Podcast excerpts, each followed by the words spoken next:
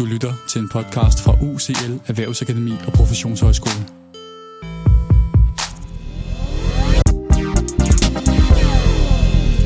Velkommen til Shortpods, programmet der giver dig en pædagogisk relevant teori eller metode på cirka 5 minutter. Lad os komme i gang.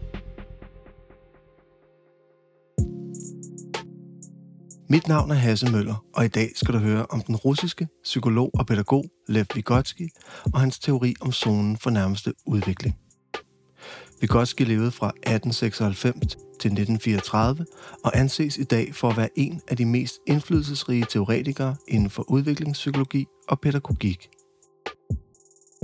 Vygotsky var meget fokuseret på forholdet mellem det sociale, det kulturelle og den kognitive udvikling hos børn og unge. Han mente, at læring ikke alene kan forstås som en indre individuel proces, men at den er stærkt forbundet til og forankret i de sociale og kulturelle sammenhæng, barnet er del af. Vygotsky var også meget optaget af sprog og sprogets rolle i børns udvikling, og mente, at det blandt andet er sproget, der muliggør, at barn kan internalisere og organisere deres erfaringer og tanker.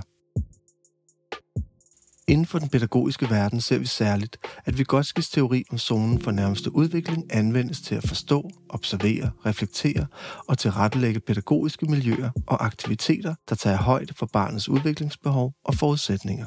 Og det er den teori, du skal høre mere om nu.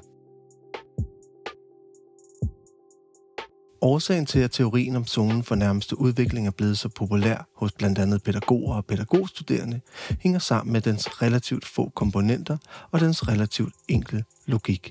Sagt i hverdagssprog handler teorien om, at der er noget, barnet kan, der er noget, barnet kan med hjælp, og så er der noget, barnet ikke kan. Og zonen for nærmeste udvikling er således punktet mellem det, barnet kan og ikke kan. Det er den rene og noget forenklede version.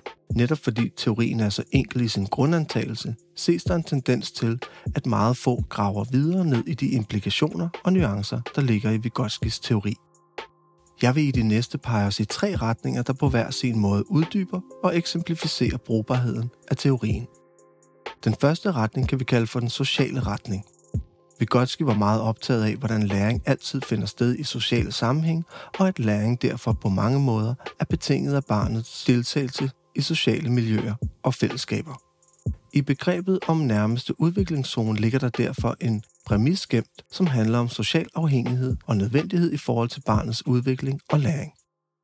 Barnet har brug for mere vidende og mere kompetente mennesker omkring sig, som kan muliggøre, guide og stilisere oplevelser og læringsprocesser.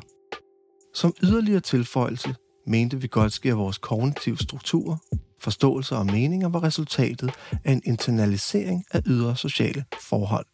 På den led er det pædagogiske miljø og de mennesker omkring barnet helt afgørende i forhold til at tilbyde eksempler, rollemodeller, samarbejdspartnere, legekammerater, værktøjer, materialer, teknologier med videre, som på hver sin måde tilbyder barnet noget fornuftigt at spejle sig i og handle i forhold til. Den anden retning, jeg vil pege os i, er inspireret af den danske neuroaffektive udviklingspsykolog Susan Hart, som har været forgangskvinde i videreudviklingen af Vygotskis teori om zonen for nærmeste udvikling, set gennem et neuroaffektivt udviklingsperspektiv. Et af hendes centrale bidrag handler om, hvordan hun forbinder zonen for nærmeste udvikling med det, hun betegner som den treenige hjerne. Inspireret af læge og hjerneforsker Paul McLean, beskriver Susan Hart, hvordan vi kan forstå hjernen som bestående af tre funktionsniveauer. Henholdsvis det sansende, det følende og det mentaliserende funktionsniveau. Potentialet i den kobling, Susan Hart laver, er, at vi kan præcisere vores pædagogiske analyse af børns behov og forudsætninger ved at se på de tre funktionsniveauer gennem Vygotskis perspektiv – vi kan altså præcisere vores analytiske blik for, hvad det er, barnet har brug for at blive hjulpet med, og på hvilket funktionsniveau eller funktionsniveauer vi skal stilisere i forhold til. En sådan anvendelse af Vygotskis teori har særligt inden for det specialpædagogiske område vist sig brugbart i forbindelse med mere omsejgribende udviklingsforstyrrelser og behov. Den tredje retning, jeg vil pege os i, handler om de praktiske implikationer af Vygotskis teori – Sagt på en anden måde, hvordan arbejder man pædagogisk med afsæt i zonen for nærmeste udvikling? Her kommer nogle bud i punktform. Punkt nummer 1. Uanset om du arbejder med zonen for nærmeste udvikling i forhold til børn, unge eller voksne, så er startstedet det samme. Sæt dig grundigt, nysgerrigt og omsorgsfuldt ind i det barn, ung eller voksen, du arbejder med. Observer og interager på måder, som gør, at barnet eller den unge kommer til syne for dig. Det kræver, at I opbygger en relation. Punkt nummer 2. Gør dig umage med at tolke barnets adfærd ud fra en omsorgsfuld og ressourceorienteret prisme. Udadreagerende adfærd er ikke trodsighed, men et symptom på noget andet, som skal tolkes omsorgsfuldt og konstruktivt. Lær barnet ordentligt at kende. Punkt nummer 3. Gør dig umage med at forstå, hvad barnet kan på egen hånd, hvad barnet kan med hjælp, og hvad barnet endnu ikke kan. Og sæt dig i den forbindelse godt ind i de intentioner, ønsker og vilje, der ligger bag det, barnet gør og ikke gør.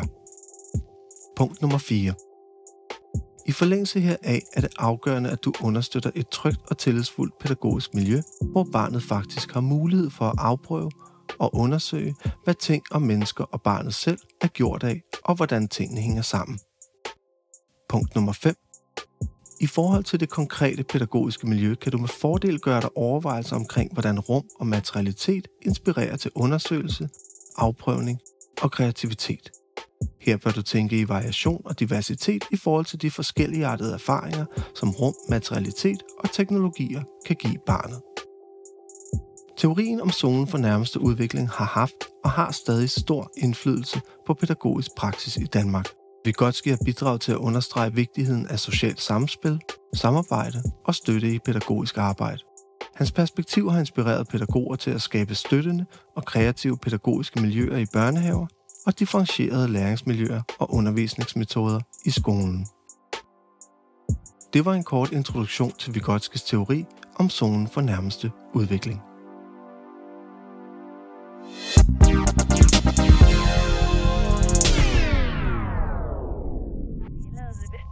Forslag til videre læsning finder du i beskrivelsen til dagens program.